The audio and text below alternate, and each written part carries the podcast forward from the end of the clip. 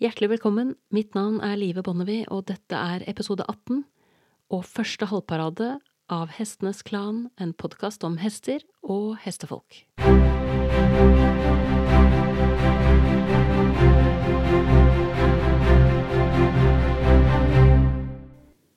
Jean-Luc Cornille er utdannet mester fra Cadre Noir.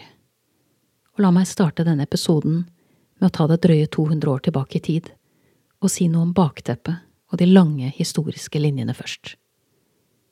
Det franske kavaleriet ble sterkt svekket etter napoleonskrigene, som ikke bare bekreftet soldatenes tapperhet, men også avslørte deres mangelfulle kompetanse på krigføring fra hesteryggen.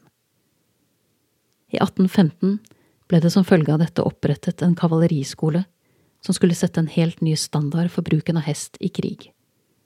Og i 1825 var Cadre Noir i Saumur, det vi i dag kjenner som den franske rideskolen, et faktum. Mester Jean-Luc Cornille er i dag en godt voksen mann, tungt forankret i den militære tradisjonen som vokste ut av Cadre Noir. Men han er stort sett overraskende mild og myk, både mot hester og folk. Særlig mot hester. Det som gjør ham interessant, er at han med årene har utvidet de klassiske prinsippene han hadde med seg fra Cadre Noir, gjennom å fordype seg i hestens biomekanikk. Der han har hatt et særlig fokus på å finne vitenskapelige forklaringer på hvordan halthet og ulike typer belastningsskader oppstår. Jean-Luc er særlig kjent for sin kompetanse på å rehabilitere hester som andre trenere har gitt opp for lengst, og han har vært med på å utvikle konseptet som kalles Science of Motion.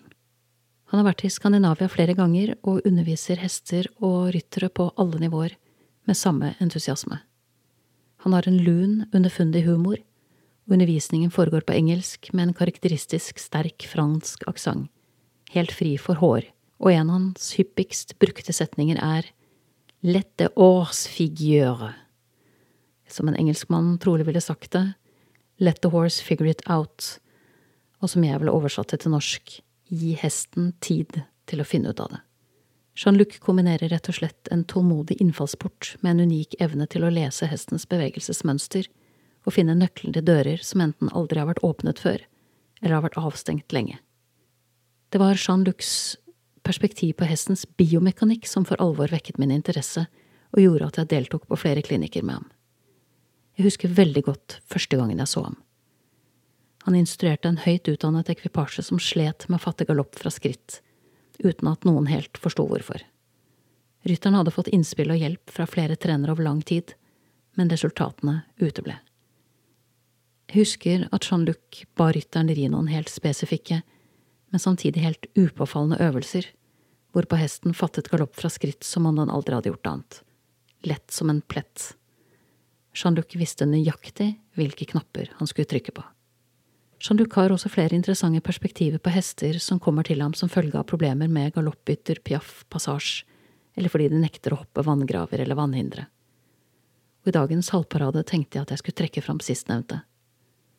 Jeg er ikke selv noen sprangrytter, men jeg har tilbrakt mye tid i staller der det har vært mange spranghester.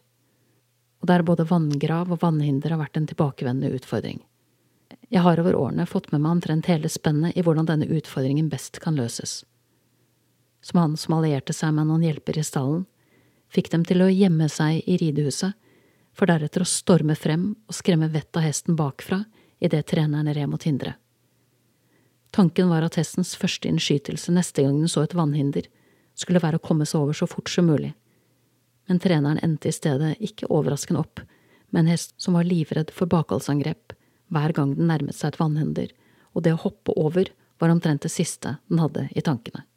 Jean-Lucs inngang til å jobbe med hester som ikke hoppet vannhindre, var å holde fast ved sin grunnsetning, lette ås figure, gi hesten tid. Tid til å erfare at selv om et vannhinder ser annerledes ut, lukter annerledes og oppfattes annerledes, er det ikke annet enn nok et hinder. Men det som virkelig fikk meg til å spisse ørene, var det Jean-Luc sa om vanngraven, som er et lengdehinder, altså et hinder som krever et langt, lavt hopp, som gir en helt annen bevegelse gjennom ryggraden enn et hinder der hesten hopper kort og høyt. Denne uvante vridningen av ryggraden kan i noen tilfeller utløse en skarp ryggsmerte i landingsfasen Problemet med vanngraven kan med andre ord være utløst av et ryggproblem. Men fordi hesten hopper av alle andre hindre uten reservasjon, er det lett å feilaktig utelukke ryggsmerter som roten til problemet. Slike refleksjoner er egnet til å gi perspektiver. Du har nettopp hørt episode 18 av Hestenes Klan, en podkast om hester og hestefolk. Takk til min faste komponist Fredrik Blom, og sist, men ikke minst, takk til deg, kjære lytter, for tålmodigheten. Måtte hesten for alltid være med deg.